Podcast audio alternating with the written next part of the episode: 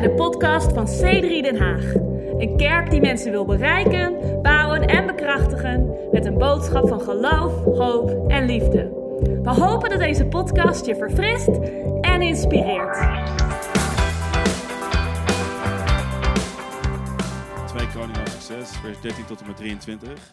Um, en dit is een, uh, een vrij humoristisch verhaal uit de Bijbel over de profeet Elisa. Um, overigens, toen ik mijn dochter Elisa Elisa noemde, realiseerde ik me eigenlijk onvoldoende dat dat uh, in de Bijbel vaak een mannennaam uh, is. Dus toen, laatst vertelde ik Elisa dat Elisa de naam is van de mannelijke profeet. Toen zag je, kijk van, uh, pap, wat heb je me aangedaan? Maar ik vind Elisa eigenlijk een hele mooie meisjesnaam. Maar in dit geval werd het gebruikt voor de naam van een uh, van de mannelijke profeet. Um, en uh, zullen we het maar gewoon lezen? Zou dat een goed idee zijn? Ik heb het, uh, de tekst voor je achter op het scherm. Dankzij ons mediateam, of eigenlijk vandaag Sander, kunnen we Sander bedanken daarvoor. Wat amazing is. Um, Sander heeft vandaag ook het licht opgezet. Is dat right? En oh, Ruud, oh ja, right. Ruud heeft licht opgezet en geluid gedaan.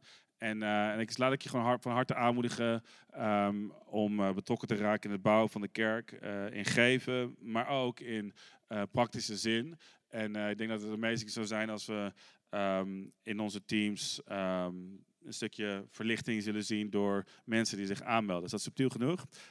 dus het lijkt me goed om om uh, te doen samen. Zo, um, hier staat, en het verhaal is als volgt. Het verhaal is Elisa die ziet wat de vijandige koning doet, uh, wat hij van plan is om te doen. En iedere keer vertelt hij tegen zijn eigen koning: hey, uh, de Syriërs die zijn van plan om ons aan te vallen op deze manier, via deze bergweg. Dus als je nou op deze manier afsnijdt, dan winnen jullie het gevecht. En het kwam tot zo'n punt dat de Syrische koning zo gefrustreerd raakte dat hij zei: Oké, wie van jullie is me aan het verraden? Omdat hij zei: De, de koning van Israël, die um, die, die weet wat ik in mijn slaapkamer vertel tegen mijn dieren, dienaren of wat ik aan het denken ben. Het is ongelooflijk. Dus hij denkt dat hij verraden wordt. En, um, en dus dan wordt er verteld dat er een profeet is, Elisa, en die profeet onthult wat die koning aan het denken is, wat hij van plan is. Hij zegt, oké, um, als we het niet zo kunnen winnen, uh, dan gaan we uh, met een heel leger naar uh, deze profeet toe om even verhaal te halen. En wie van jullie weet dat ze meer wilden doen dan alleen maar verhaal halen? Iemand? En, uh, en, dus, en dan staat er dat, um, en dan, dan gebeurt het volgende. Um, de koning zei, ga op weg en kijk waar hij is, zodat ik er bode op uit kan sturen en hem kan laten halen. En, en hem werd daarop verteld, uh, dus de koning werd verteld, hij is in Dothan. Dat is niet alleen maar een naam van een uh, singer-songwriter, maar dat komt gewoon uit de Bijbel. Um, en toen stuurde hij daar paarden en strijdwagens heen en een groot leger. Dus een heel leger werd gestuurd voor één man. Wie van jullie zou zich geïntimideerd voelen? Iemand? Ik zou op zijn minst een klein beetje zenuwachtig zijn. Het, uh, een van de meest machtige legers op aarde kwam af op deze uh, ene persoon die simpelweg bad en deed wat God hem vertelde. En hij kwam daardoor in de problemen. Um, ze kwamen s'nachts en omsingelden de stad. Ik wil, ik wil dat je uh, ziet dat er staat, ze omsingelden de stad. Al, om de hele stad heen was het leger. En dan staat er, de dienaar van de man van God stond heel vroeg op en ging naar buiten. Wat me ergens uh, doet vermoeden dat de profeet zelf niet heel vroeg opstond. Van jullie voelt zich daar bemoedigd door? Iemand?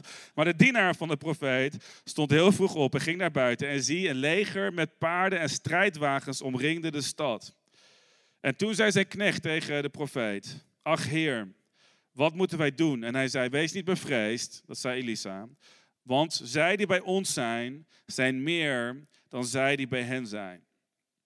En de dienaar van de profeet dacht: uh, Misschien is het tijd om wat valiums te halen voor de profeet. Uh, want er is iets niet helemaal juist. En hij begint en hij denkt na en hij denkt: Ik zie de stad omringd zijn met een leger en wij zijn met z'n tweeën. Maar zij die met ons zijn, zijn meer dan zij die met hen zijn. En hij dacht van, what's going on? En dus hij snapte het niet. En Elisa bad en hij zei, Heere, open toch zijn ogen zodat hij ziet. En de Heere opende de ogen van de knecht, zodat hij zag. En zie, de berg was vol paarden en strijdwagens van vuur rondom Elisa. En hopelijk ook rondom de dienaar van Elisa, maar dat lijkt me duidelijk, right? En toen de Syriërs naar hem afdaalden, bad Elisa tot de Heer en zei, sla dit volk toch met blindheid. En hij sloeg hem met blindheid, overeenkomstig het woord van Elisa. En toen zei Elisa tegen hen, dit is de weg niet en de stad niet. Volg mij, dan zal ik u naar de man brengen die u zoekt. Hij bracht hen naar Samaria. En het gebeurde toen ze in Samaria aangekomen waren, dat Elisa zei, Heere, open de ogen van deze mannen, zodat zij zien. En de Heere opende hun ogen, zodat zij zagen. En zie, zij waren midden in Samaria. Um, is ook niet de meest uh, ze waren niet alleen blind, maar ook niet de meest schuch, uh, slimme personen. Right? Dus ze vertrouwen, ze worden blind. En vervolgens, oh, Oké, uh, wat zeg je tegen me? En ze vertrouwden volledig op wat hij zei. En het, anyway. Maar ze waren in het midden van Samaria aangekomen. Uh, en toen kwam er een discussie waarin, uh, waarin um, de koning van Israël zei tegen Elisa, zal ik hen doden? Mijn vader, maar hij zei, dood hen niet. zou je hen doden die je met zwaard en boog gevangen genomen hebt? Zet hun brood en water voor. Dan kunnen zij eten en drinken en teruggaan naar hun Heer. Dus met volle buik gingen ze terug naar hun koning om het goede nieuws te vertellen. Dat ze uh, blind gemaakt uh, werden, um, meegesleurd werden door bedrog. Vervolgens te eten kregen en vervolgens terugkwamen bij de koning. Zeiden, we hebben een geweldige vakantie gehad, mijn, heer. Um, dus ik vind het redelijk grappig eigenlijk. Um, en dus zij aten en dronken. En daarop stuurde hij hen terug en ze gingen naar hun heer. En de bende van de Syriërs kwamen niet meer terug in het land van Israël. Is dit een fascinerend verhaal? Um, een heel bijzonder verhaal in mijn, in mijn mening. Maar um, uh, ik, ik, wil een moment nemen om te bidden. En uh, te vragen aan God om tot ons te spreken hier vanochtend. Laten we dat samen doen. Vader God, we danken u hier op dit moment. Heer, dat u in staat bent, God, om ons bewust te maken van de wereld om ons heen. Heer, om te zien wat niet zichtbaar is, of om ons bewust te zijn dat er meer is in ons leven dan wat zichtbaar is. Help ons, Heilige Geest, om uh, te zien wat u, tegen ons wil zeggen vanochtend in de naam van Jezus. Amen. Amen. Alright. Is er hier iemand die uh, wel eens heeft gehoord van AR, Augmented Reality? Veel mensen, denk ik. We hebben allerlei apps en dingen die we kunnen uh, doen. Um, ik wil gewoon een klein experiment doen. Gewoon een beetje om, de, om een voorbeeld te geven. Omdat het is heel erg lastig om zoiets wat we net hebben gelezen. Elisa die een wereld ziet die hij niet kan zien. Om dat op een bepaalde manier voor te stellen. Hoe werkt dat precies? Hoe ziet dat? Ziet hij dat met zijn fysieke ogen? Ziet hij dat in zijn gedachten? Um, hoe werkt dat precies? En een van de dingen die ik zelf best interessant vind, is ik denk dat um, God soms, dat de geestelijke wereld soms een klein beetje is als augmented reality. En, maar we gaan je erin meenemen, oké? Dus um, uh, wie van jullie uh, heeft er een, wel eens een wens gehad? Heeft geen tatoeage, maar heeft de wens om een tatoeage te zetten, maar heeft geen idee hoe het eruit ziet. Iemand? Oké, okay, Hilke, Sander, uh, oké, okay, amazing. Adnaan. Oké, ik zie aan Adnaan wel een mooi slachtoffer eigenlijk. Uh, vind je het oké om uh, even hier op het podium te komen? En het enige, uh, je bent aan het filmen hè? Oké, okay, dat, is, dat is niet oké. Um, alright. Wie, wie, nog meer? Wie, wie, heeft nog meer een wens? Wie heeft er nu opeens een wens? Iemand? Alle wensen zijn verdwenen. Zo, ik wil niet Hilke uitnodigen. Is, wil iemand proefkonijn zijn? Proefkonijn? Oké, okay, well, ik zie, ik zie Angela heel erg wijzen naar mensen naast zich. Angela, wil je kijken hoe een tattoo jou staat? Oké, we, kunnen Angelo applaus geven. Angelo gaat me even helpen hier. Um, ik neem ook met name Angelo, omdat, om eerlijk te zijn, ik zou nooit een tatoeage nemen. Uh, wees gerust. Uh, maar, uh, en Angelo denk ik ook niet, of wel? Nee, niet echt, nee, oké. Um, maar, wie heeft een pen voor mij, iemand? we moeten wel op je gaan tekenen, is het erg? maar, maar op je arm of iets dergelijks. Zo, oké. So, um, Angelo, op de plek waar je een tatoeage hebben, uh, die we mogen zien, kun je dit symbooltje eventjes tekenen. Zo, twee streepjes en een streepje, een smiley. Oké? Okay? Is dat, is dat oké? Okay? Zo, uh, dit is kerk zoals je niet gewend bent. Ja, yeah, ja, yeah, let's do that. Let's do that. Um, en um, als het goed is kun je mijn telefoon zien op het scherm. Ik heb een app gedownload, een uh, amazing app. Um, als je geen tatoeage zou zetten, wat zou je dan niet zetten voor tatoeage? Ja? Of als je er geen zou zetten, wat zou je absoluut niet zetten? Kun je het zien? Ja, oké. Okay. We gaan even een tatoeage voor je opzoeken. Zullen we, zullen we anders gewoon iets christelijks doen? Krans. Alright. Oké, op de rug. Oké, zullen we hem gewoon op je arm doen? Is dat misschien beter? Ja, ja. Oké, zullen we zo'n krans, van, zo krans van Jezus die, uh, die hij op zijn hoofd had, of een andere krans? Oké. Wat is het Engelse woord voor krans, mensen? Kunnen me helpen? Uh, a try, try, crown, crown, crown. Even kijken. Laten we eens kijken wat we kunnen vinden. Kijk, hier zie je al, deze heb ik net opgezocht. Nou, ziet er allemaal, sommige dingen zien er wat luguber uit. Um, tribal, is dat iets? Uh, tribal. We gaan zo meteen naar het woord van God, mensen. Maak je geen zorgen. Um, weet je wat, voor de, voor, voor de sake of time, laten we, gewoon, uh, laten we gewoon Jezus opzoeken. Ja, Jezus is altijd goed om te doen, toch? Um, heb je al eens... Zoiets. Ah, oké, oké. Ja, wat is dat? Tribal iets, hè? Ik, om eerlijk te zijn, ze hebben een beter artwork nodig op deze app, want ik vind het niet zo heel mooi. Oké, well, that looks a little bit like it, right? Dit zou je doen, een beetje Nieuw-Zeelands eigenlijk. So that's quite amazing. Um, Oké, so, um, waar zou je hem zetten? Als je het niet zou doen. Ja, oké, maar uh, oké, okay, heb ik al gevraagd. Voor het voorbeeld kun je gewoon even groot uh, dit teken ergens zetten op je bicep of zoiets. Ja, gewoon twee streepjes zo en zo'n streepje. Kijk op deze manier. Um, It's going to be amazing, guys. Wie van jullie is benieuwd wat er gaat gebeuren? Iemand? Um, right. So. Oh, ik heb hem nu, ik heb hem nu weer verpest. Uh, oh. Had je het verwacht toen je vanochtend naar de kerk kwam?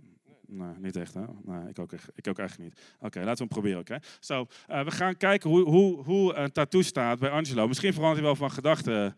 Carina, is het oké okay als hij van gedachten verandert vandaag? Uh, je weet niet. Oké, je mag even je telefoon neer, neerleggen. We gaan even kijken. We moeten eventjes hem scannen. Uh, zien we hem al? Zien we? Kijk eens. Oeh, pretty cool. Wacht even hoor. Laten we even een foto maken. Kunnen we jouw gezicht erbij krijgen? Ik denk, kun je hem iets dichter bij je hoofd, bij je gezicht doen misschien? Oh nee, dat is not gonna be... Oké, dat gaat niet werken. Wacht even hoor. Kan ik hem zo doen? Oké, we, gaan, we gaan experimenteel zijn. Uh, pretty cool, hè? Oeh. Oké, okay, ik ga je niet vragen om een op je voorhoofd te zetten, want dan wordt heel Nieuw-Zeelands. Maar uh, it's not bad, right? Uh, pretty cool. So, um, zullen we hem opslaan? Hmm, hoe doen we dat? Uh, yeah. Hier, WhatsApp. Zal ik hem gewoon naar je sturen? Nou, weet je wat, dat doen we later, anders zien jullie mijn WhatsApp-account. Um, maar, um, dus ik heb zelf ook een, een test gedaan. Hey, thanks man, uh, dankjewel. Uh, augmented reality, dat is wat augmented reality eigenlijk is. So, thanks bro. Um, denk, zit je erover na te denken om het naartoe te doen aan deze sessie? Niet deze. Niet, niet deze, oké. Okay. En we doen een andere. Oké, okay. wow. Oké, okay. thanks man. Dan kunnen we Angelo bedanken voor dit zeer inspirerende uh, voorbeeld. oké, okay. so, waarom... Kan ik op zijn hier? Een paar foto's misschien. Smile is not detected. Weet je wat, we gaan het allemaal nu niet doen. Maar dus, augmented reality is een, iets wat je kan zien, wat je, wat je niet kan zien op je zichtbare wereld. Right? Dat is wat augmented reality doet. Er zijn apps waar je je dingen kan opmeten. Dus je kan zeg maar uh, de, de, de preekstoel of de pulpit hier, de grootte opmeten door misschien met je telefoon te scannen. Er zijn allerlei hele innovatieve dingen. Volgens mij heeft Henk Jan wel vaak over nagedacht over augmented reality mogelijkheden. Maar vandaag wil ik het niet hebben over augmented reality, maar over um, onze geestelijke realiteit die God ons heeft gegeven. En om heel eerlijk te zijn, wanneer, wanneer God mij een beeld geeft, wanneer God me iets laat zien, dan is het heel vaak niet zo dat ik iets zie met mijn fysieke ogen. Maar het is meer dat ik iets zie in mijn voorstellingsvermogen. En het is bijna alsof je in je denken een bepaalde bewust wordt van een bepaalde realiteit die er nog niet is. En dit is de reden waarom Paulus zegt: wij kijken naar de dingen die we niet kunnen zien, zoals we um, door middel van een iPhone een tattoo kunnen zien op ons arm die er niet is, om te kijken hoe het staat. Zo zijn we in staat om bepaalde dingen te zien in ons hart, in onze geest, die er nog niet zijn. En dit is precies wat de dienaar van Elisa op die dag te zien kreeg. Hij zag een, een realiteit die, um, er niet, die, er fysiek gezien niet was, maar die er geestelijk gezien wel was. Right? Hij zag, net zoals we net die tattoo zagen verschijnen. Um, en de Bijbel zegt allerlei dingen over tatoeages, maar de Bijbel zegt ook dingen over oorbellen. Maar anyway, laten we er niet uh, te veel te lang over doorgaan. Uh, maar um, zoals we net uh, die tattoo op een arm zagen, zo zag Elisa een heel leger, en de dienaar van Elisa, een heel leger rondom hem om hem te beschermen van het leger wat hem ontsingeld had.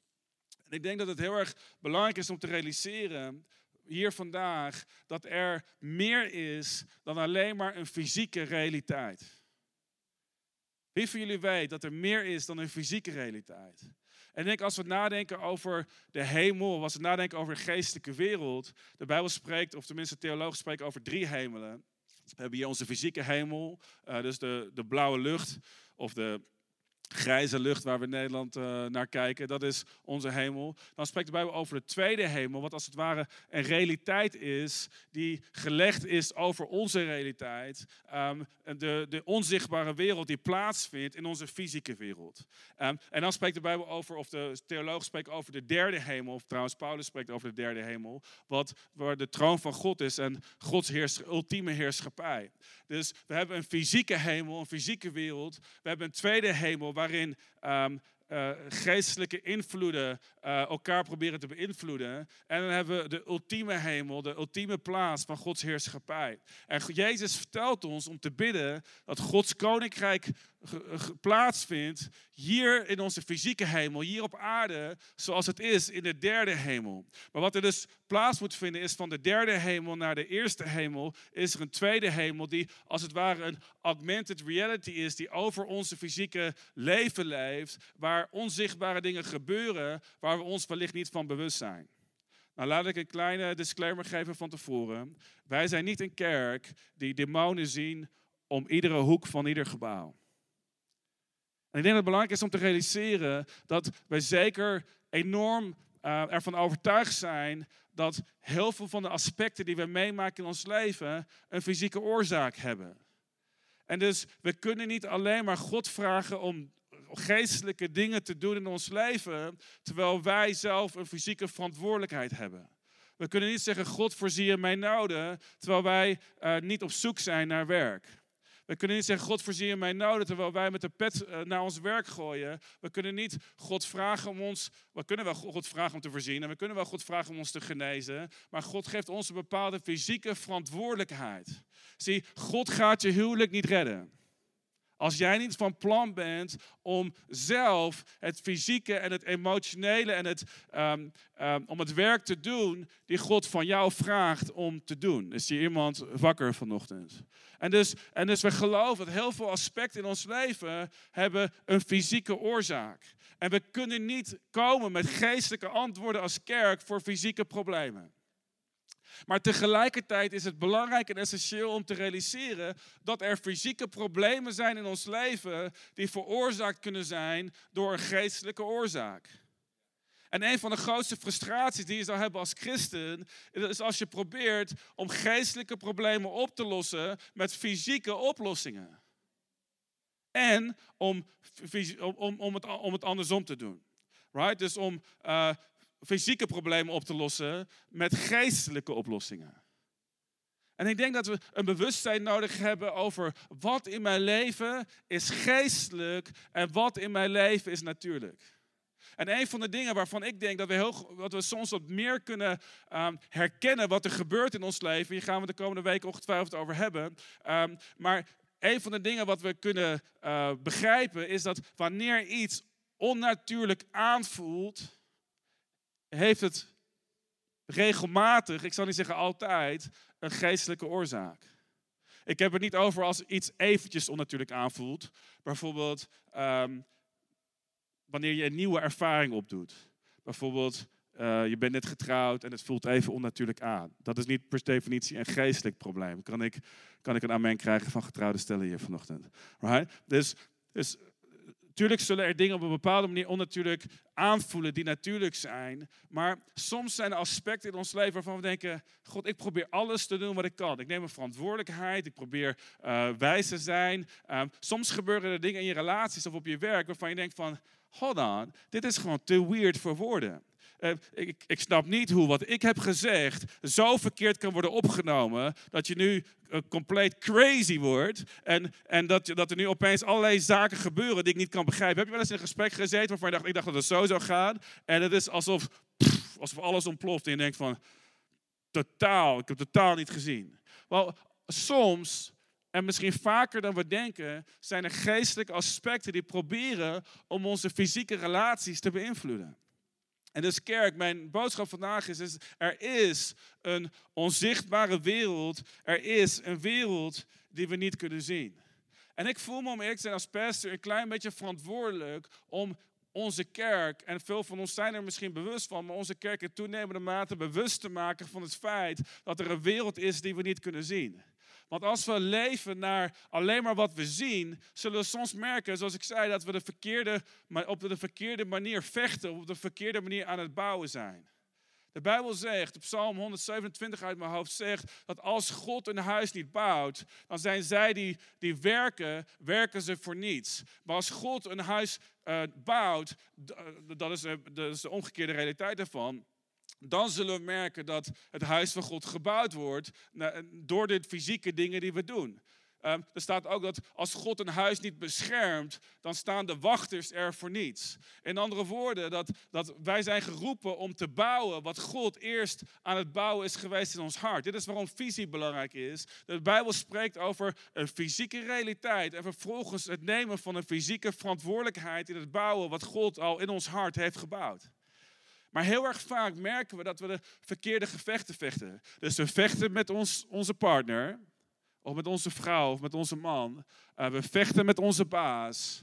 We vechten, soms hebben we ruzies of discussies met mensen in de kerk. En, en af en toe is het heel erg goed, en heel vaak is het heel erg goed om dingen uit te spreken. Maar soms zijn we gevechten aan het vechten die eigenlijk, om eerlijk te zijn, geestelijk zijn. En afgelopen beeldavond hebben we um, drie ik zou willen zeggen, significante wonderen gezien die plaatsvonden in dezelfde week. Waarom? Omdat we begonnen te spreken over onzichtbare tegenstand in ons leven. En we begonnen daarvoor te bidden. En er gebeurden wonderen die zo gingen. Het is bijna alsof we, alsof we probeerden om dingen fysiek op te lossen. En vervolgens dachten we, hey, wie, wie van ons voelt dat er een geestelijke tegenstand is en like dit, zoals, zoals, zoals, alsof, alsof gewoon een bladzijde werd omgeslagen, veranderde de situatie in ons leven. En ik denk dat het, zo, dat het zo'n bevestiging is van de boodschap dat er onzichtbare dingen zijn in ons leven. Maar ik wil dat je, voordat je denkt van, oeh, er zijn allerlei onzichtbare dingen die me tegenhouden. Ik dacht al dat ik problemen had, maar nu heb ik majorly problemen. Voordat je in paniek raakt en denkt van, hé, hey, wacht eventjes, ik kom nu, ik heb grotere problemen dan ik eigenlijk dacht te hebben. Wil ik je geruststellen met de gedachte dat wanneer God onze ogen opent voor Um, of wanneer we ons bewust worden van het onzichtbare, dan, dan, werkt dit altijd in ons voordeel. Wanneer God ons bewust maakt van de onzichtbare wereld, werkt het in, onze voor, in ons voordeel. Dus wij willen onze kerk niet bang maken met verhalen over duistere machten en, en demonen. Al geloof ik persoonlijk en geloof ik dat de Bijbel heel erg duidelijk is over duistere machten. Ik heb, je hebt niet veel geloof nodig um, om naar deze fysieke wereld te kijken en te zien dat er bepaalde duistere machten aan het werk zijn. Er zijn bepaalde aspecten in, ons, in, in de levens van mensen om ons heen, die zijn zo donker dat je bijna niet kan bedenken dat die dingen normaal zijn. Right? En dus er zijn aspecten in, in, in onze wereld die zeker duister zijn. Maar wanneer God onze ogen opent voor de geestelijke wereld, zullen we altijd zien dat Hij onze ogen opent in ons voordeel. Dus wat ziet de, de dienaar van Elisa wanneer zijn ogen geopend worden? Wat ziet hij? Hij ziet dat God met hem is. Hij ziet dat zij die voor hem zijn, meer zijn dan zij die tegen hem zijn.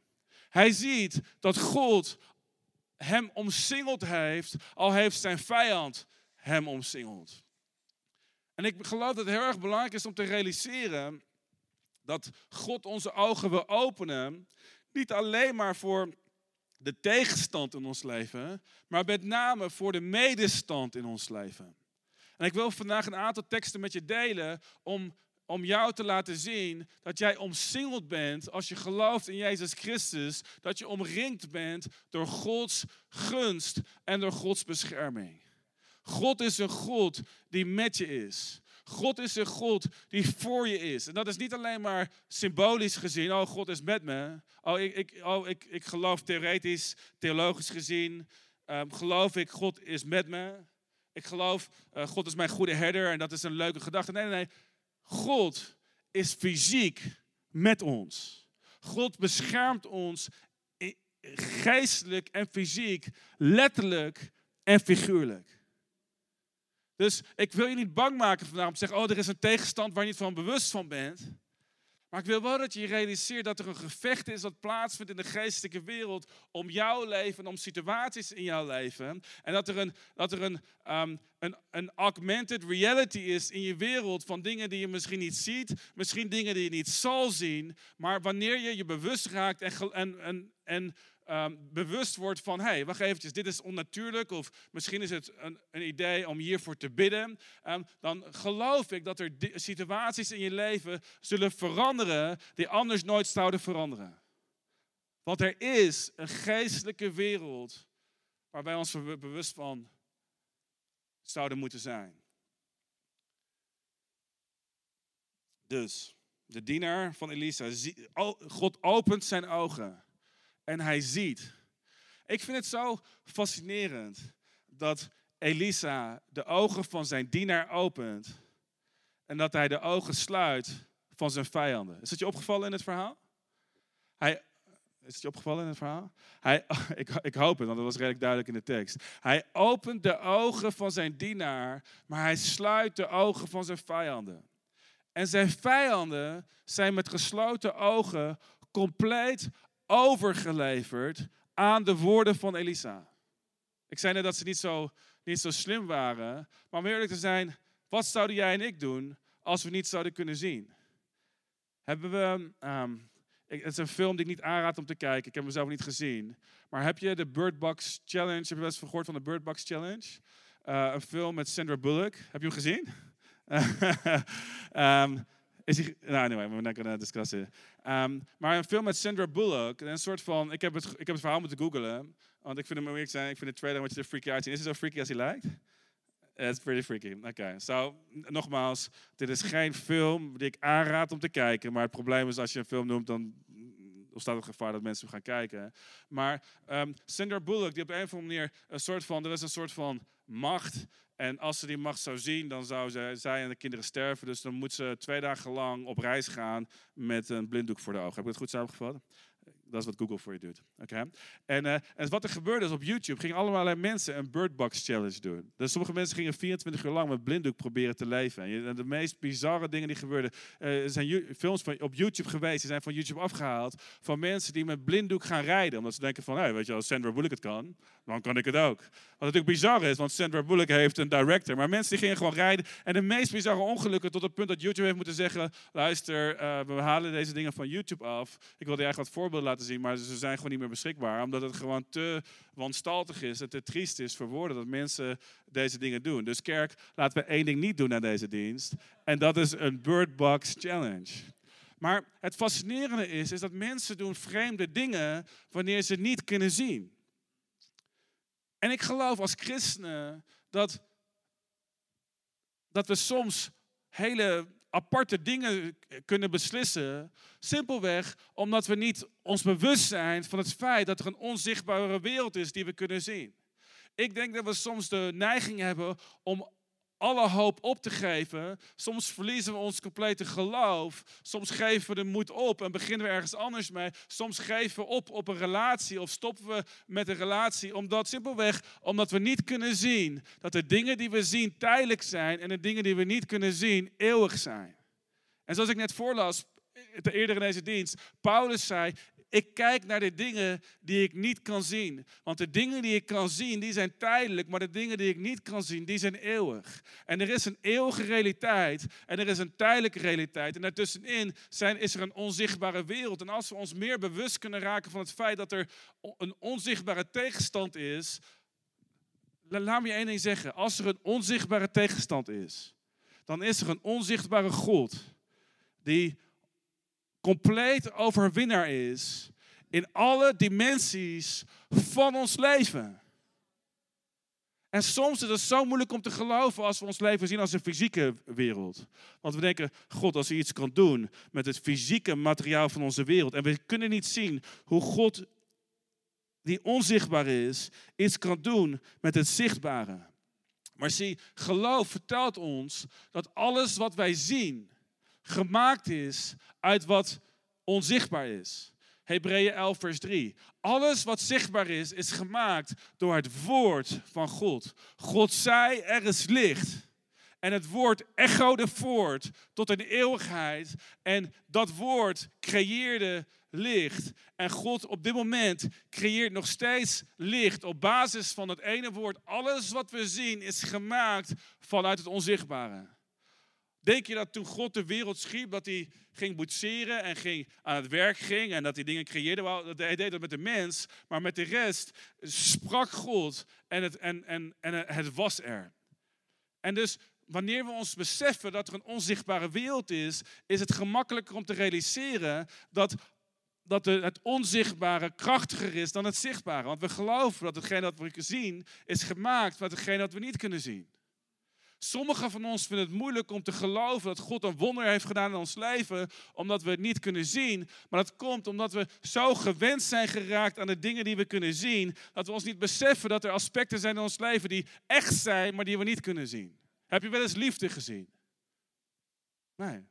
Maar is liefde echt? Wow. Ik, ik hoop het. right? Er zijn gevoelens die we niet kunnen. Er zijn allerlei aspecten in ons leven die we niet kunnen zien, maar die echt zijn.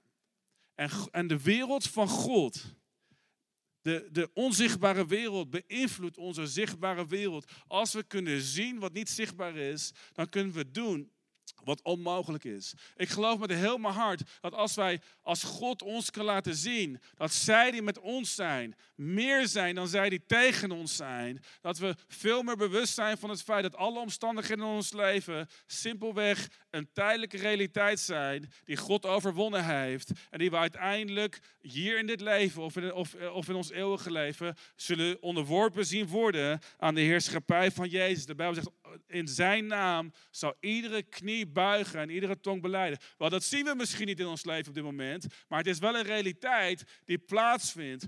Jezus is aan het heersen in de derde hemel en er vindt een gevecht plaats in de tweede hemel, maar het is belangrijk om ons ervan bewust te zijn. Kan ik een paar teksten met je delen over dat God ons omringt? Iemand? Oké, Psalm 34, vers 8. Dat is zo'n mooie tekst. De engel van de Heere legert zich rondom hen die hem vrezen en redt hen. Heb je gehoord wat er staat? Terwijl de band naar voren komt. De engel van God legert zich rondom hen die hem vrezen en redt hen. Proef en zie dat de Heer goed is. Heel vaak gebruiken we die tekst proef en zie dat God goed is als een tekst die op zichzelf staat. Maar hoe proeven we en zien we dat God goed is? Terwijl we allemaal naar de band kijken. Hoe proeven we en zien we dat God goed is? Wel, we proeven en zien dat God goed is door het feit dat Gods engel zich dat God, Gods engel, dat God ons omringt en dat God ons omringt terwijl we God vrezen. Dat is de, dat is de goedheid van God. Hoe proeven we en zien we dat God goed is? Wel, doordat de onzichtbare dingen in ons leven zichtbaar worden in ons fysieke leven. Is iemand hier enigszins enthousiast over? Psalm 32, vers 7. U bent mijn schuilplaats. U beschermt mij voor benauwdheid. Luister hier naar. U omringt mij met vrolijke gezangen van bevrijding. Sela, of andere woorden, denk erover na. God omringt ons met gezangen van bevrijding. God is onze schuilplaats. Het is zo apart om ons te realiseren dat God ons beschermt in het fysieke, in het onzichtbare. Maar het is zo essentieel om te realiseren dat het onzichtbare een impact heeft op het zichtbare en niet andersom. Als wij het koninkrijk van God willen bouwen in ons leven, het moment dat we zeggen ik wil de kerk bouwen, het moment dat we zeggen ik zal God dienen, kunnen we erop rekenen dat er onzichtbare krachten zijn die proberen om tegen ons in te komen. Maar tegelijkertijd kunnen we erop rekenen en kunnen we geloven dat God ons omringt als wij Hem vrezen. Dus het moment dat er tegenstand komt, is het moment dat God ons beschermt. En God, ik wil je dit zeggen, God beschermt ons niet alleen maar van voren, maar God beschermt ons van de zijkant en God beschermt ons van achteren. In andere woorden, God has your back. Zoveel mensen zeggen, oh, de geestelijke wapenuitrusting is alleen maar van de voorkant. Want als we naar voren marcheren, als we vooruit gaan, als we grond innemen, dan beschermt God ons. Want in het Romeinse leger hadden ze geen bescherming van achteren. Wel, in het leger van God hebben we bescherming van God, want God omringt ons. Wat mij vertelt, God beschermt mij wanneer ik fouten maak. God beschermt mij wanneer ik me vergis. God beschermt me wanneer ik op een zwak moment even geen geloof heb. God beschermt mij wanneer ik Petrus ben die even door het water heen zakt. En hij zegt, kijk naar mij. En ik kijk naar hem en hij pakt me weer op en we kunnen weer verder gaan. Gods bescherming is alomtegenwoordig. Als we zeggen, God, help mij, dan is God er. Psalm 125, vers 2. Wees niet bevreesd, want ik ben met u. Wees niet verschrikt, want ik ben uw God. Ik sterk u, ook help ik u. Ook ondersteun ik met mijn rechterhand die, die gerechtigheid werkt. God zegt, wees niet bang. Ik ben met je. Ik ben met je. Job, in het begin van Job. Veel mensen begrijpen het Bijbelboek van Job niet. Ik hoop dat in de komende jaar nog eens een keer goed uit te leggen. Maar veel mensen denken dat Job een verhaal is van slecht nieuws. Maar in Job 1, vers 10 zien we dat de vijand een gesprek heeft met God. En hij zegt: hey, ik wil het met je hebben over Job. Want, want, want er is niets wat hij doet wat verkeerd is. En God schept op over Job. En dan vervolgens zegt, zegt de vijand dit: Hij zegt: um, Hebt u niet voor hem en voor zijn huis en alles wat hij heeft een beschutting gemaakt. Het werk van zijn handen hebt u gezegend en zijn vee breidt zich steeds verder uit in het land. En wat, wat de vijand zegt, is hij zegt, is het niet zo dat u hem omringt? Dat u hem omringt hebt, dat u alles wat hij heeft, dat, u, dat hij hem beschermt. Wat kan ik doen in het leven van Job? En luister hier naar God. Moet de vijand, moest de vijand in dit, deze situatie toestemming geven om dichtbij Job te komen en hem aan te raken? God omringt je. Dit is een geestelijke realiteit. Het verhaal van Job was een uitzondering. Dus het lijden wat hij meemaakte was, is niet Gods plan voor ons leven. Omdat Gods plan voor ons leven is bescherming. Job was rechtvaardig. Wel, jij en ik zijn gerechtvaardigd en vergeven in God. Maar laat me dit met je delen vanochtend. Zie, als er een geestelijke realiteit is, en als de geestelijke realiteit um, goed nieuws voor ons is, dan zou ik je willen zeggen dat als wij passief zijn in het onzichtbare, dan verliezen we terrein in het fysieke. Als wij passief zijn in het onzichtbare, verliezen wij terrein in het fysieke. Alles wat we nodig hebben in sommige situaties in ons leven om te zeggen: God, in de naam van Jezus, ik breek deze tegenstand. Ik geloof dat u meer dan overwinnaar bent. Ik geloof dat u in mij bent. Ik geloof dat u om mij heen bent. Ik bid op dit moment ik spreek uw bescherming uit over mijn gezin. Ik spreek uw bescherming uit over mijn familie. Ik spreek uw bescherming uit over mijn denken. Ik spreek uw bescherming uit over mijn kinderen. Ik spreek in de naam van Jezus uit dat u mij omringt. Dat u mij beschermt. Dat u goed bent, zelfs wanneer mijn situaties slecht zijn. Dat u eeuwig bent, zelfs wanneer mijn tijdelijke situaties tegen me inkomen. Ik geloof in de naam van Jezus dat u goed bent. Dat u goed doet. Bedankt voor het luisteren naar deze podcast.